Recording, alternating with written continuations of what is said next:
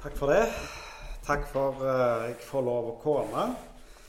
Det er gysla kjekt. Jeg, uh, jeg, kan jo veien, da, for å si det sånn. det er greit å finne. Jeg har liksom kjørt det stykket noen ganger. Uh, og i dag så passet det jo så at tilfeldigvis skulle det en elev til Lundenes. og vi fikk oss en fin tur i bil, og hun fikk kjøre, og jeg sitter på sida av, og alt det der. Så det, var, det passet greit. ellers så har jeg vært her på Husoda og syns i grunnen det er gysla stas å komme her. Fordi at vi eh, har jo samme si, tilhørighet, samme organisering. Jeg jobber på bedehuset på Vea. Eh, og forsamlingen vår har samme tilknytning som dere har, eh, som er i eh, IMF og NLM. Eh, og da er det jo litt ja, stas å være på besøk så hva skal du si, en slektning eller noe sånt. Eh, ja, Iallfall utrolig trivelig å få lov å komme. Og ja, også hjemme på Vea da, så har vi denne høsten nå gått i gang med et tema som vi kaller for de to, eh, de to bud. Altså Vi spiller litt på at det er ikke de ti bud, men de to bud. Og vi henter teksten vår ifra når Jesus eh, Eller i den samtalen eh, når, når de to største bud, eller loven og profetene, oppsummeres i de to bud om å elske Gud og elske sin neste. De finner vi for så vidt flere plasser i Nyttestamentet. Eh, men vi har kalt det for De to bud denne høsten. Det dobbelte kjærlighetsbud er det kanskje mer kjent som. Å elske Gud og sin neste. Eh, og den ene plassen som du finner den si, formuleringen om å elske Gud og sin neste, det er Lukas kapittel 10. Og der har vi vært på vei av denne helga. Der var vi i formiddag. Eh, og der tenkte jeg at vi skulle være litt i kveld òg.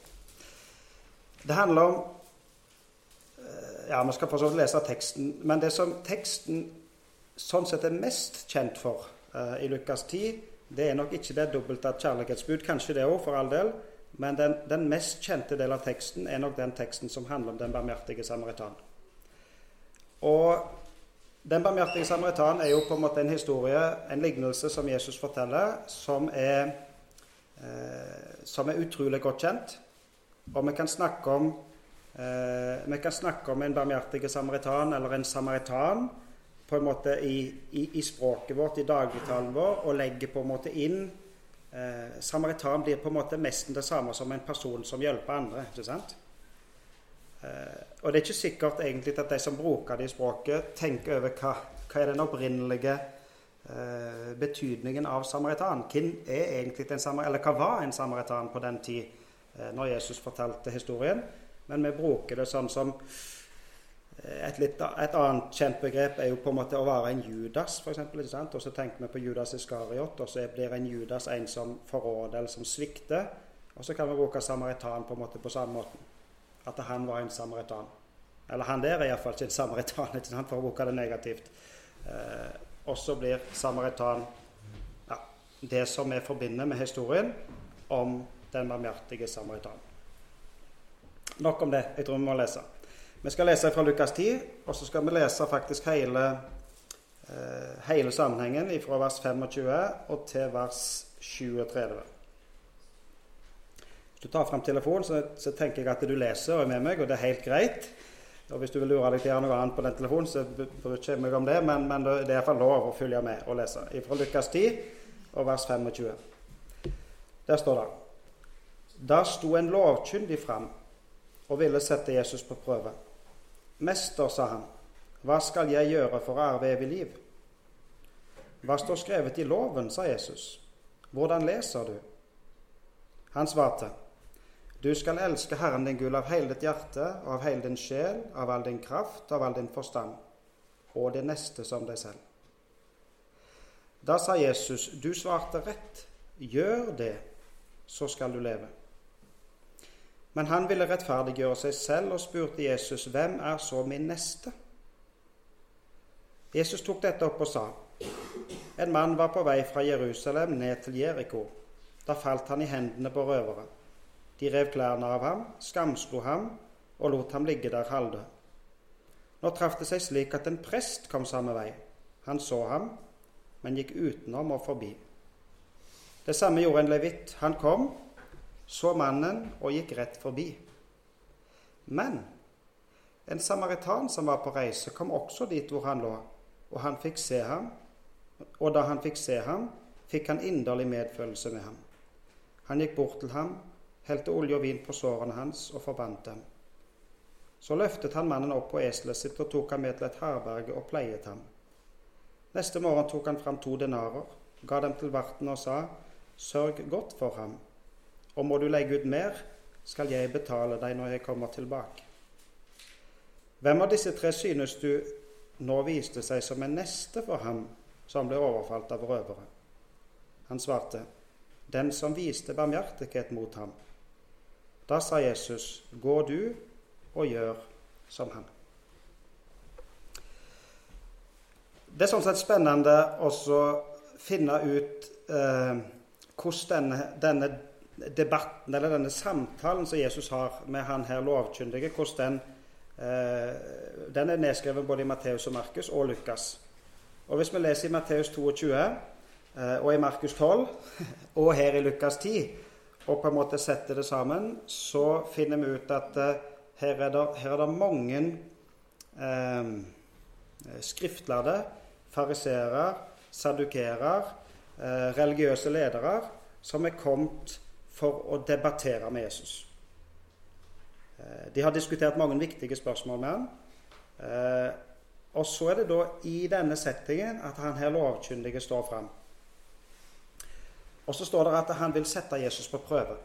Han har på en måte egentlig ikke, ikke noen god hensikt eh, med, med, med, spørsmålet sitt eller med det temaet han vil ta opp. Han vil på en måte eh, ja, sette Jesus på prøve, lage ei felle for Jesus. Og så spør han hva skal jeg gjøre for å arve evig liv? Hva skal jeg gjøre for å arve evig liv? Og så ville vi gjerne tenkt at ja, nå Jesus har du sjansen, nå må du fortelle han hva du skal gjøre. Eh, og, og, og, og, hva han skal gjøre for å arve evig liv. Men Jesus vet hva eh, Jesus vet hva som bor i hjertet hans, og at han egentlig er ute for å sette ham på prøve. Um, og han hadde nok tenkt sannsynligvis at nå skal jeg få noe å ta Jesus på. Nå skal Jesus sannsynligvis svare et eller annet som er i strid med, med, med vår lære med Det gamle testamentet, med loven og profetene, og så skal han på en måte finne noe å sette fingeren på hos Jesus. Men Jesus, han, eh, han skjønner nok hvor det er. Eh, og så vender han spørsmålet tilbake til denne her lovkyndige. Hva svarer du, da? Du som kan loven, du som, har, du som er ekspert på området.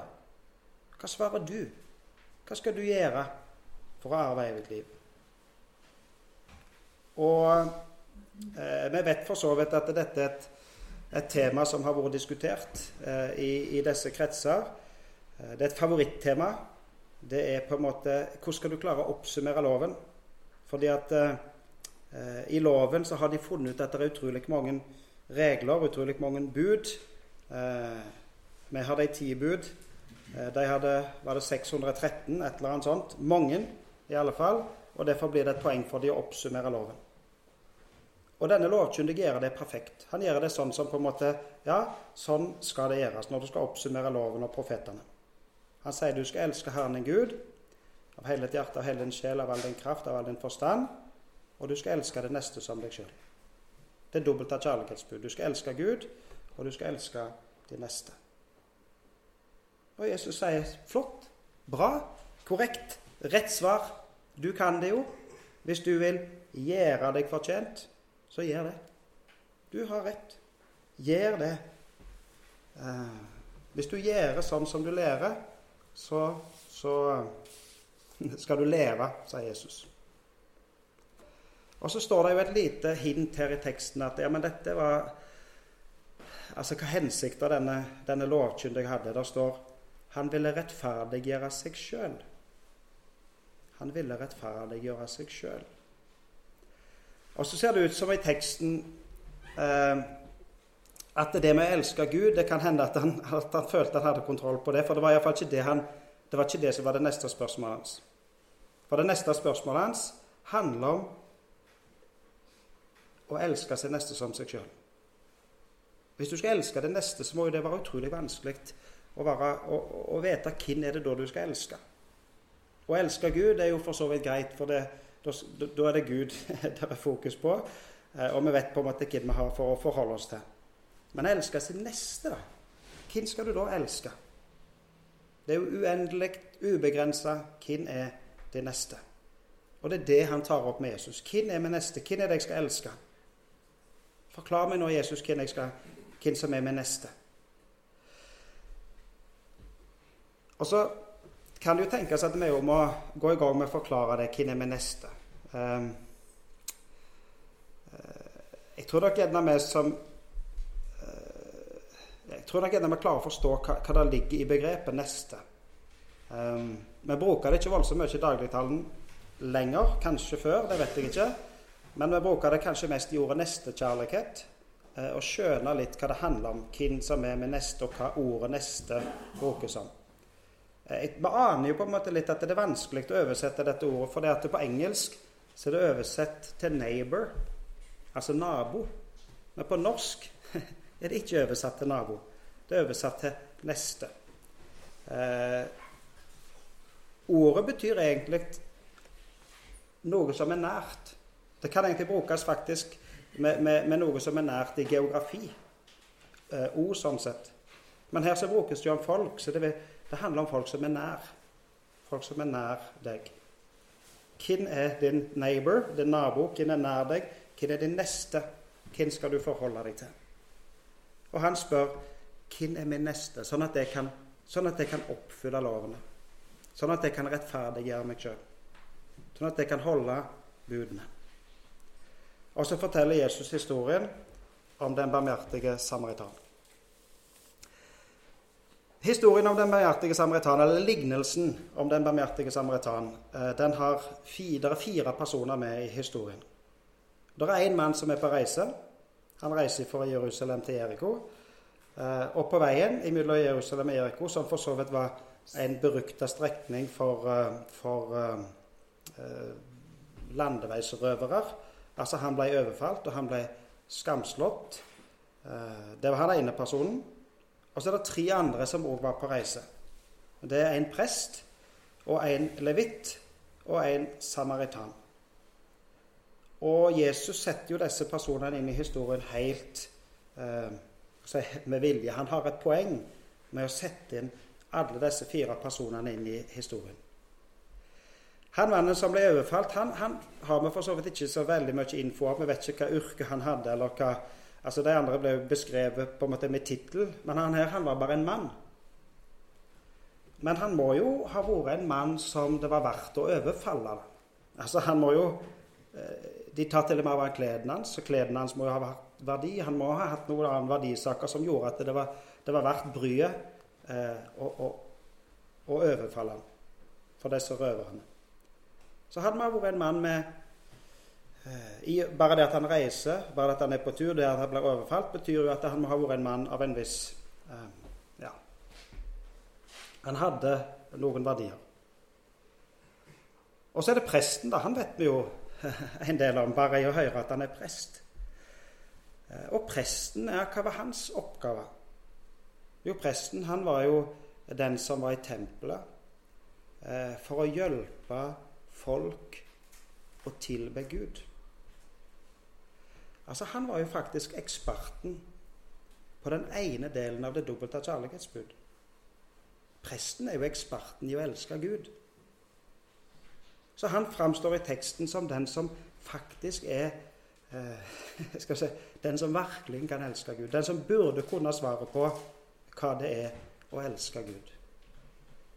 Og så går faktisk presten forbi. Han som er eksperten i å elske Gud, han går forbi denne mannen som ligger halvdød eh, i veikanten. Og så har vi levitten. Eh, levitten vet vi òg en del om, fordi at vi vet hva tjeneste levitten gjorde. Eh, de var ansatt De var jo på en måte kollegaer med presten. Men de hadde litt andre oppgaver i tempelet enn presten. De var mer praktisk. Det var de som drev med praktiske oppgaver. Eh, det kan jo tenkes at vi gjerne ville tenkt kalt, kalt levitten for en diakon i dag. Altså han som hadde ansvar for å legge til rette for.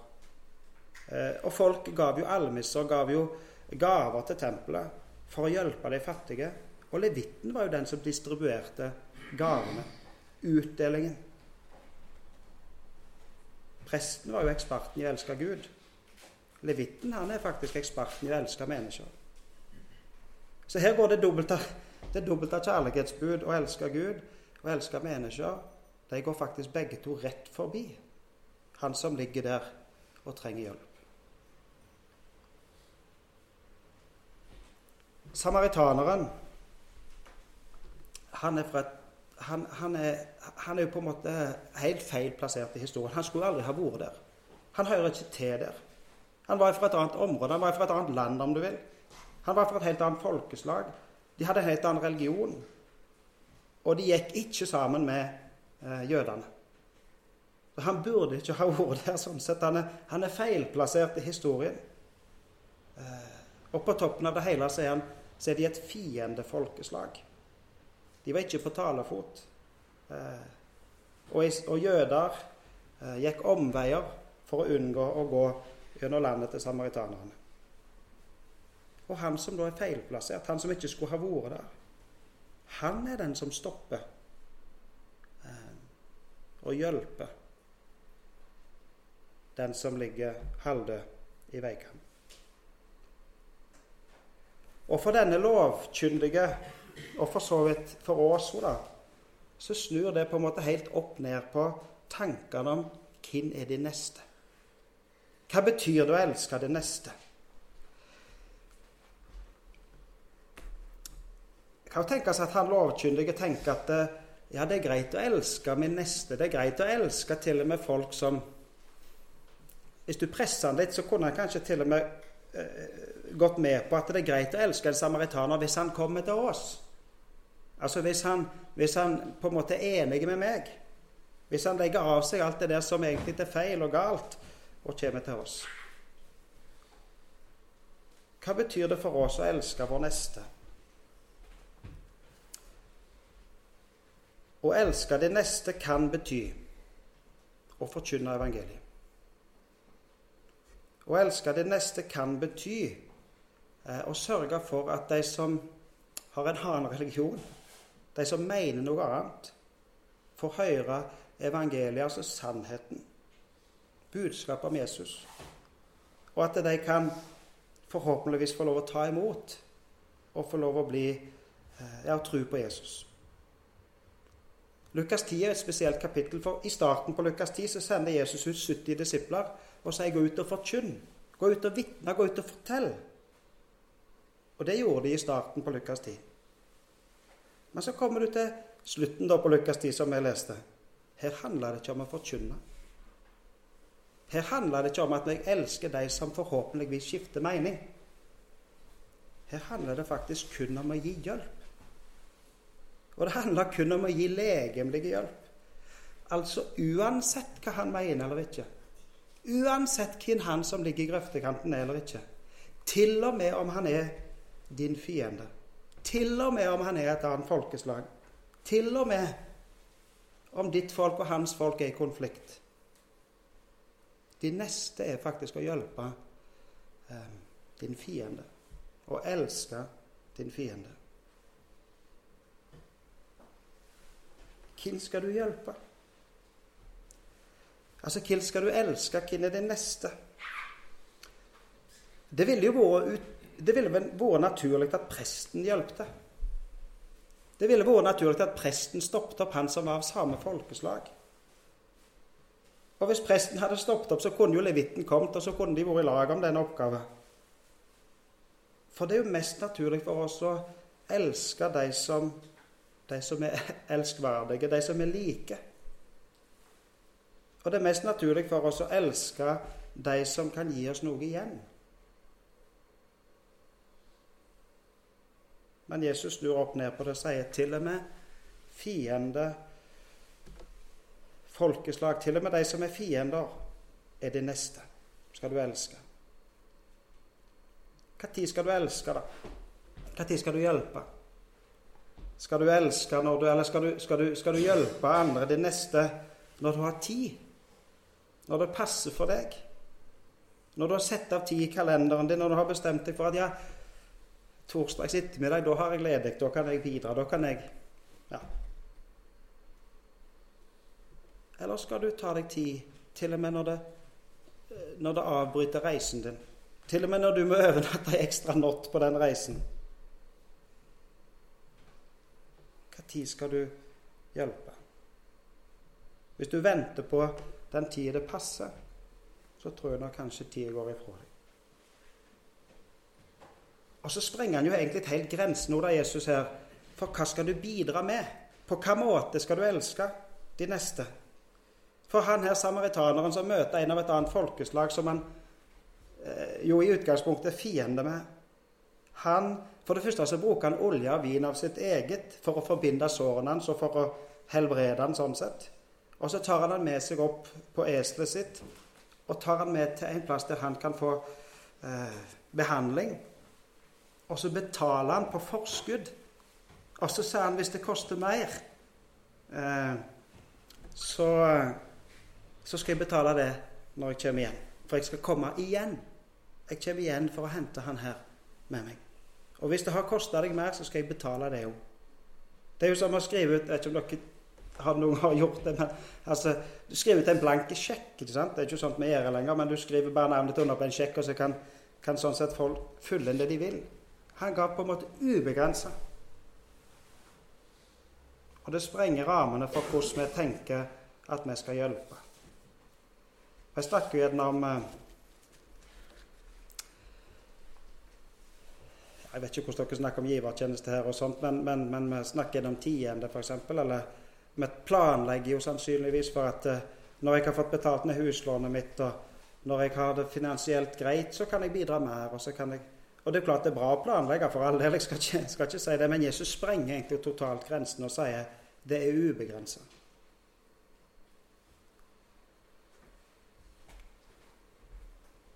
Jesus han, han, forteller jo eh, mange lignelser når han skal, skal undervise. sånn sett. Og han fortalte denne lignelsen for å, for å se hvem er det neste.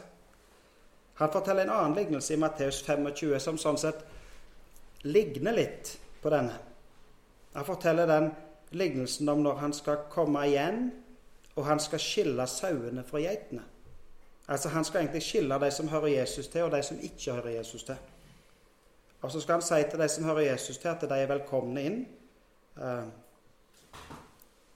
ja, Nesten så jeg kunne tenkt meg å lese Jeg tror jeg skal lese noen vers fra Matteus 25. Uh, Matteus 25 og vers 34 så står det Så skal kongen si til dem på sin høyre side, Kom hit, dere som er velsignet av min far, og ta i arv det rike som er gjort i stand for dere fra verdens grunnvoll belagt. For jeg var sulten, og dere ga meg mat. Jeg var tørst, og dere ga meg å drikke. Jeg var fremmed, og dere tok imot. Jeg var, jeg var naken, og dere kledde meg. Jeg var syk, og dere så til meg. Jeg var i fengsel, og dere besøkte meg. Da skal de rettferdige svare. Herre, når så vi deg sulten og ga deg mat, eller tørst og ga deg å drikke? Når så vi deg fremmed og tok imot deg, eller naken og kledde deg? Når så vi deg syk eller i fengsel og kom til deg? Og kongen skal svare dem, sannelig, jeg sier dere, det dere gjorde mot en av disse mine minste søsken, har dere gjort mot meg. Det dere gjorde det dere gjorde mot en av disse mine minste søsken, har dere gjort mot meg. Og de som hadde gjort det, de spurte ja, men hva de gjorde med dette? Jo, det du gjorde, det du gjorde mot de neste, for å bruke ordet fra vår historie Det du gjorde mot de neste, gjorde du mot Jesus. Og Jesus sender jo ut sine for å møte sin neste. Jesus sier 'gå derfor ut'. Gå ut til alle folkeslag. Jesus sender ut. Som far har sendt meg, sender også jeg dere. Han sender jo disiplene sine ut og sier 'Jeg sender dere ut som lam midt iblant ulver' for å møte de neste. for å møte folk Jeg Skulle sagt på veien. Folk som du møter på din vei. Til og med av andre folkeslag. Til og med av andre religioner. Og Jesus ber oss om å elske uten at vi skal kreve noe igjen. Hjelp, ber oss om å hjelpe uten at vi nødvendigvis skal, eh, skal kreve noe tilbake. Ikke fordi at folk har gjort seg fortjent til det, men for at Jesus eh, elsker. Ok, Når Jesus forteller historien om den barmhjertige samaritan, så, så, er det jo denne her lovkyndige han snakker med.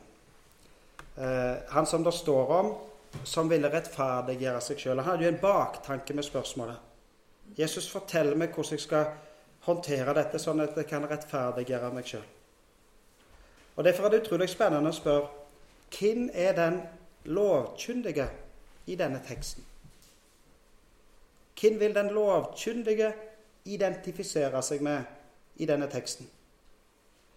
Det er jo klart, den lovkyndige er ikke en prest, og han er heller ikke en levitt.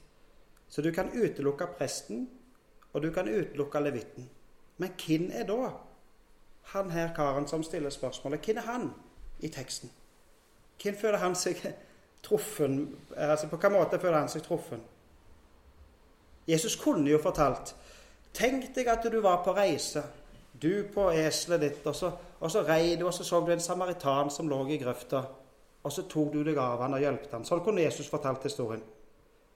Den lovkyndige ville jo tenkt at nei, nei det, det, det, går ikke. Jeg hadde, hadde, jeg sett en samaritan, så hadde jeg ridd rett forbi. Um, men Jesus forteller han ikke sånn. Jesus forteller jo faktisk at det er den som hjelper, den som gir hjelp, han er en samaritan. Og den mannen som Jesus snakker med, han var i alle fall ikke en samaritan. Så hvem er han da i denne teksten? Hvem er du i denne teksten? Jo, du er jo faktisk han som ligger halvdød i veikanten, og som trenger hjelp.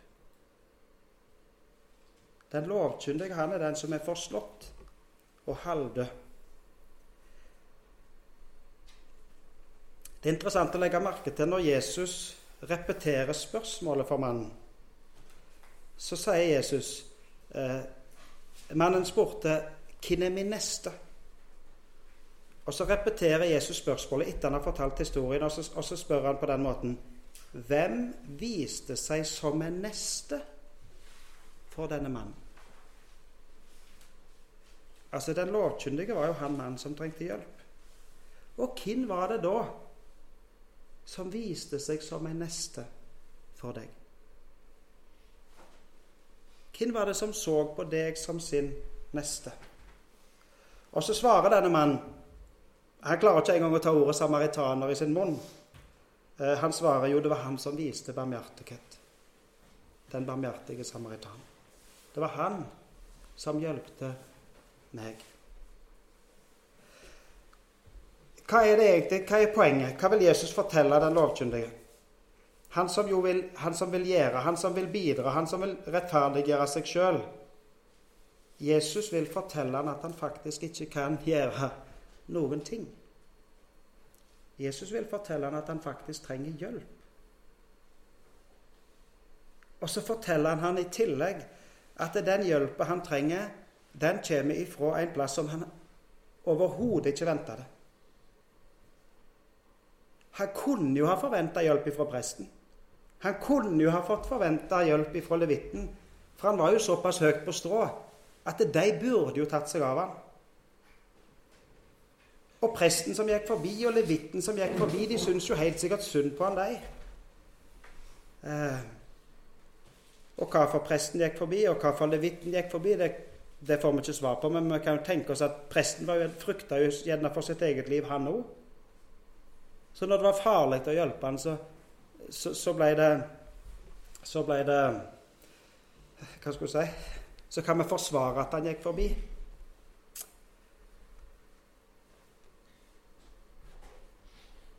Jeg har bodd noen år i, i, Tanzania.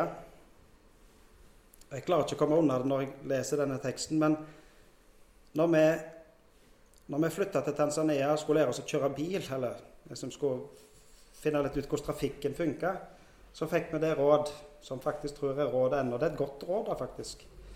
Så fikk vi det rådet at hvis du havner i ei bilulykke Eller hvis, du kommer, hvis, du hvis ikke du er i bilulykke, men du observerer ei bilulykke, at det er skader og sånt, så må du ikke gjøre sånn som det er naturlig for deg å stoppe opp og hjelpe. Høres ut som presten. Men du må kjøre forbi. For hvis du stopper og hjelper, så, så, så, vil du sannsynligvis bli anklaga for, og tatt, altså de, vil, de, vil, prøve Og hvis det er politi der på plassen, så kan det hende de er så korrupte at de faktisk også anklager deg for Så du må kjøre videre. Og så må du kjøre til nærmeste politistasjon eller sykehus eller en eller annen plass der du kan sende noen. Kanskje til og med ta med deg noen tilbake til ulykkesstedet. Og egentlig så er det et godt råd, da, faktisk. For uh, det er ingen som det er ingen som tjener på sånn sett at uh, ting skal gå galt. Det beste er å sørge for hjelp på en god måte. Men det minner meg jo om uh, at presten han hadde kanskje til og med noen gode grunner for å gå forbi. Uh, han visste jo det at det her lå der en mann som var slått, og de som slo han er jo sikkert rett rundt hjørnet. Så hvis jeg går bort der, så, så slår de meg òg. Og så kommer vi ingen vei. Så kanskje presten tenkte at han skulle gå til nærmeste at det ikke er et tettsted for å få tak i hjelp kan jo tenke at presten tenkte at, det, at, det, at han her mannen som jeg syns er synd på, han skal jeg be for mens jeg går på veien. Og kanskje han til og med kom tilbake til tempelet og så gav han et ekstra offer for han her mannen som lå halvdød i veien. Levitten, hvorfor han gikk forbi, det er jo sannsynligvis samme grunn. Det kan jo tenkes at han så at presten gikk forbi. Og når presten gikk forbi, så måtte jo levitten gå forbi òg. Og så er det for så vidt mange andre grunner. Eh, som kan være eh, grunn til at de gikk forbi. Men uansett, når han her mannen lå ribba for alt Når han ikke hadde noen ting igjen Altså når han ikke hadde, når han ikke hadde noen ting å bidra med, så gikk både presten og levitten forbi. De som jo egentlig var hans, de som jo egentlig var de som burde hjulpet ham, så var han på en måte ikke verdt å hjelpe. Men han samaritaneren som kom fra et fremmed land, en som de regna for å være en fiende med en annen religion, han var det som kom med hjelp. Han var det som viste seg som en neste for den mannen eh, som var overfalt. Han viste seg som en neste.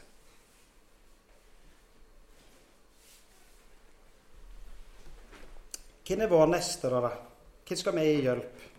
Hvem skal vi forholde oss til på denne måten, sånn som samaritaneren gjorde?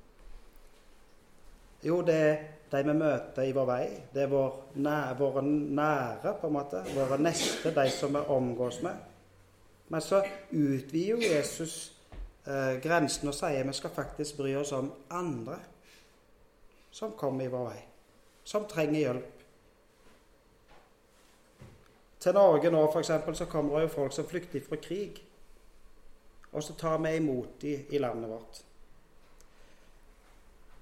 Og det er jo rett og bra av oss ikke sant, å gjøre det. Av samfunnet vårt å ta imot dem.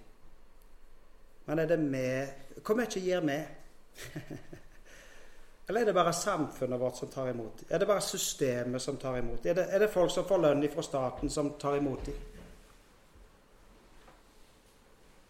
Og nå Eh, har vi jo fått en del ukrainere til Norge. og Det, eh, det er litt, litt annerledes, for at ukrainerne er på en måte litt, de står oss litt nærmere. Det, er litt lettere å ta imot dem, hvis du skjønner hva jeg mener.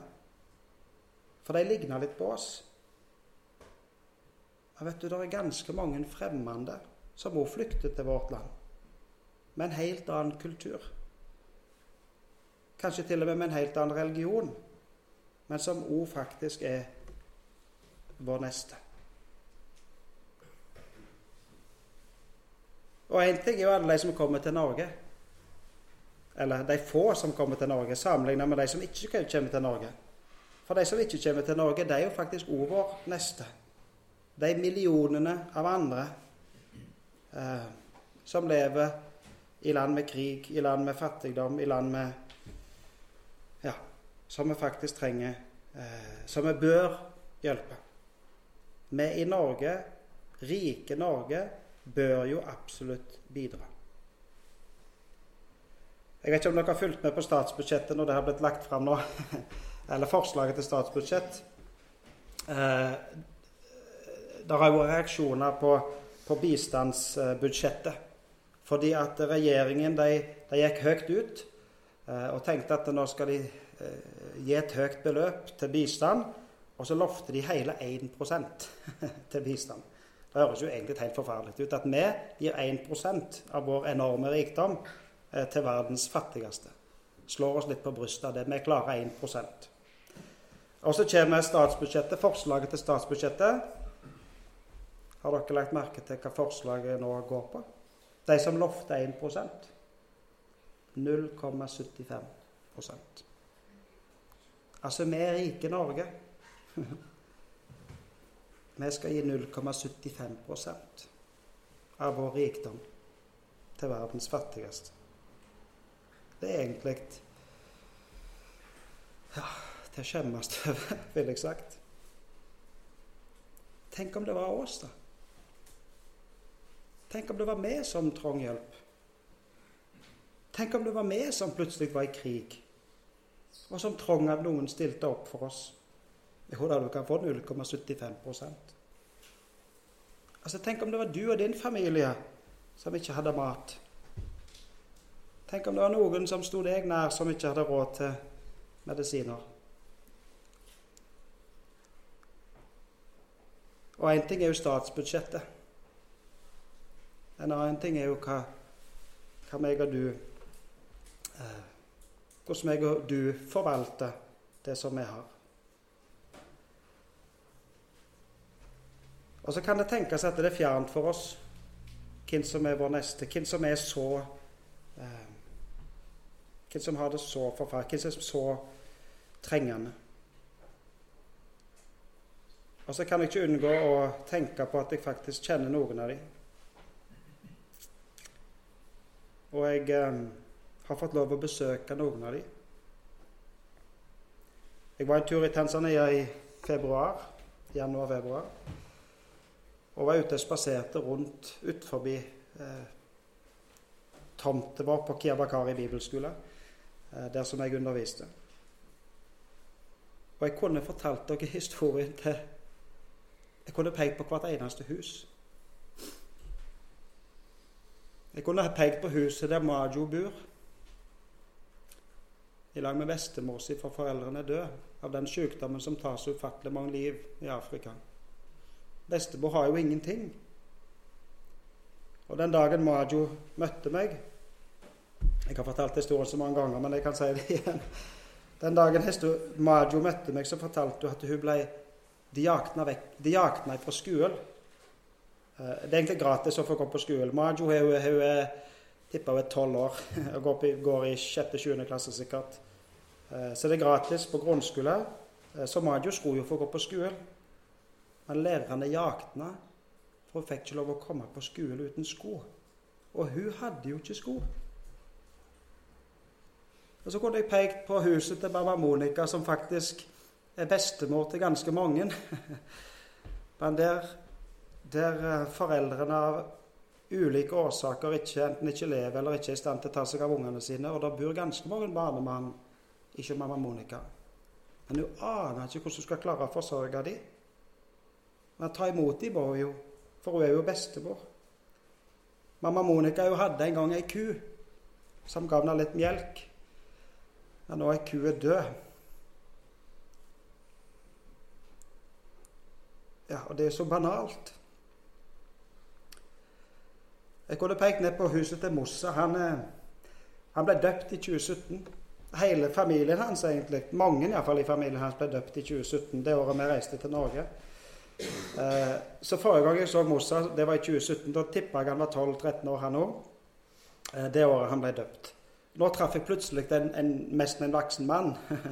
Høy og mørk i stemmen. Og, og så jeg spurte hvordan er det med deg, Mossa? Går du på skolen? Nei, han er ikke på skolen. Å nei, du begynte å jobbe. Han hadde ingen jobb. Ja, men du må jo gå på skolen. Nei. Mamma er sjuk, og hun trenger medisiner. Og det er litt av de klarer å skape sammen av penger, det går til medisiner. Og da kan ikke jeg gå på skole. Du tenker deg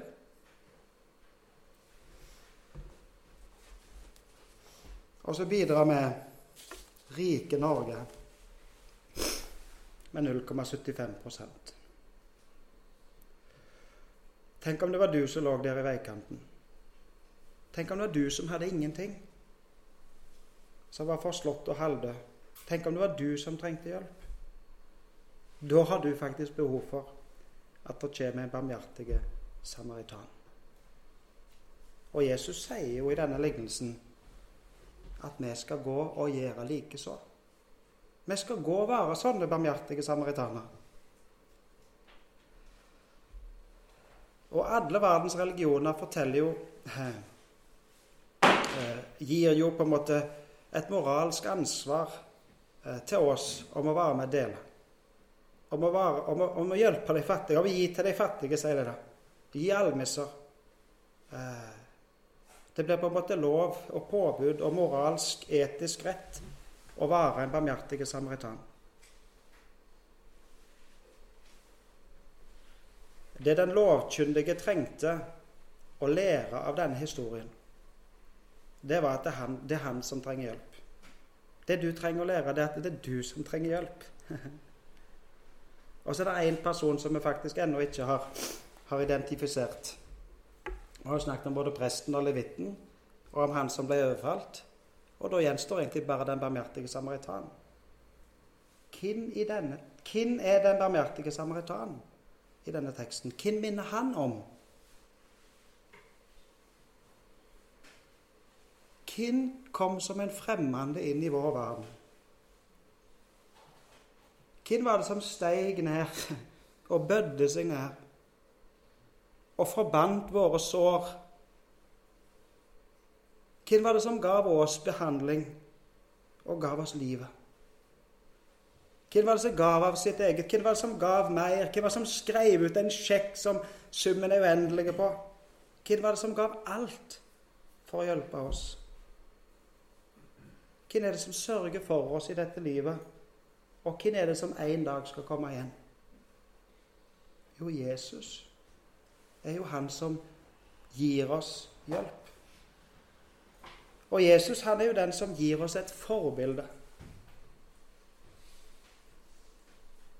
Og så kan all verdens religion eh, ha moralske standarder som sier at du skal hjelpe, du må bidra. Og det er etisk rett. Men den eneste måten du kan få eh, kjærlighet nok til å hjelpe med en sånn kjærlighet som Jesus krever, sier det der. Det at du får motta hans kjærlighet først. At han får lov å elske deg. Og at han kan få være forbildet ditt, som gir av sin kjærlighet inn i ditt liv, så at du kan få gi hans kjærlighet videre. Og så blir han ditt forbilde. Da blir ikke presten og levitten forbildet. Da blir ikke bedehusformannen eller taleren forbildene. For vi, for meg skal du si, vi klarer jo ikke å være forbilder på den måten. Men vårt forbilde blir Jesus. Ikke at vi ikke skal være forbilder, for all del, men dere forstår hva jeg mener. Og så blir vårt store forbilde Jesus. Og så blir vår store motivasjon den kjærligheten Jesus elsker oss med. Og den kjærligheten Jesus faktisk gir inn i, inn i våre liv som vi kan få lov å være med og gi videre. Ikke for at vi skal fortjene at Jesus elsker oss, men fordi at han elsker oss faktisk før vi fortjente det. Da får vi kraft til å være med og elske vår neste. To bud. Elske Gud og elske det neste. Den barmhjertige samaritan han som gav hjelp til og med til, til sin fiende. Og du, som er den som trenger en barmhjertig samaritan, du vet hvor du skal finne han. Han kommer til deg. Han stiger ned til deg. Han tar imot deg. Skal vi be. Kjære Jesus, takk for at du eh, kom ned til oss. Takk at du steg helt ned i vår elendighet for å reise oss opp, for å gi oss livet. Takk for at du forbinder sårene våre, tilgir syndene våre, gir oss håp om evig liv. Takk for din enorme kjærlighet til oss. Så må du hjelpe oss, Jesus, å vise denne kjærligheten ut til andre. Både i ord og i handling. Må du gjøre det så at det vi sier, er forenlig med livet det vårt. At det vi leser i ditt ord, kan få lov å leves ut på måten som vi lever. At vi kan få lov å bry oss om vår neste at vi bryr oss om hverandre. Og òg dine mange som bor eh, i alle folkeslag. Jesus, må du hjelpe oss til det. I ditt navn. Amen.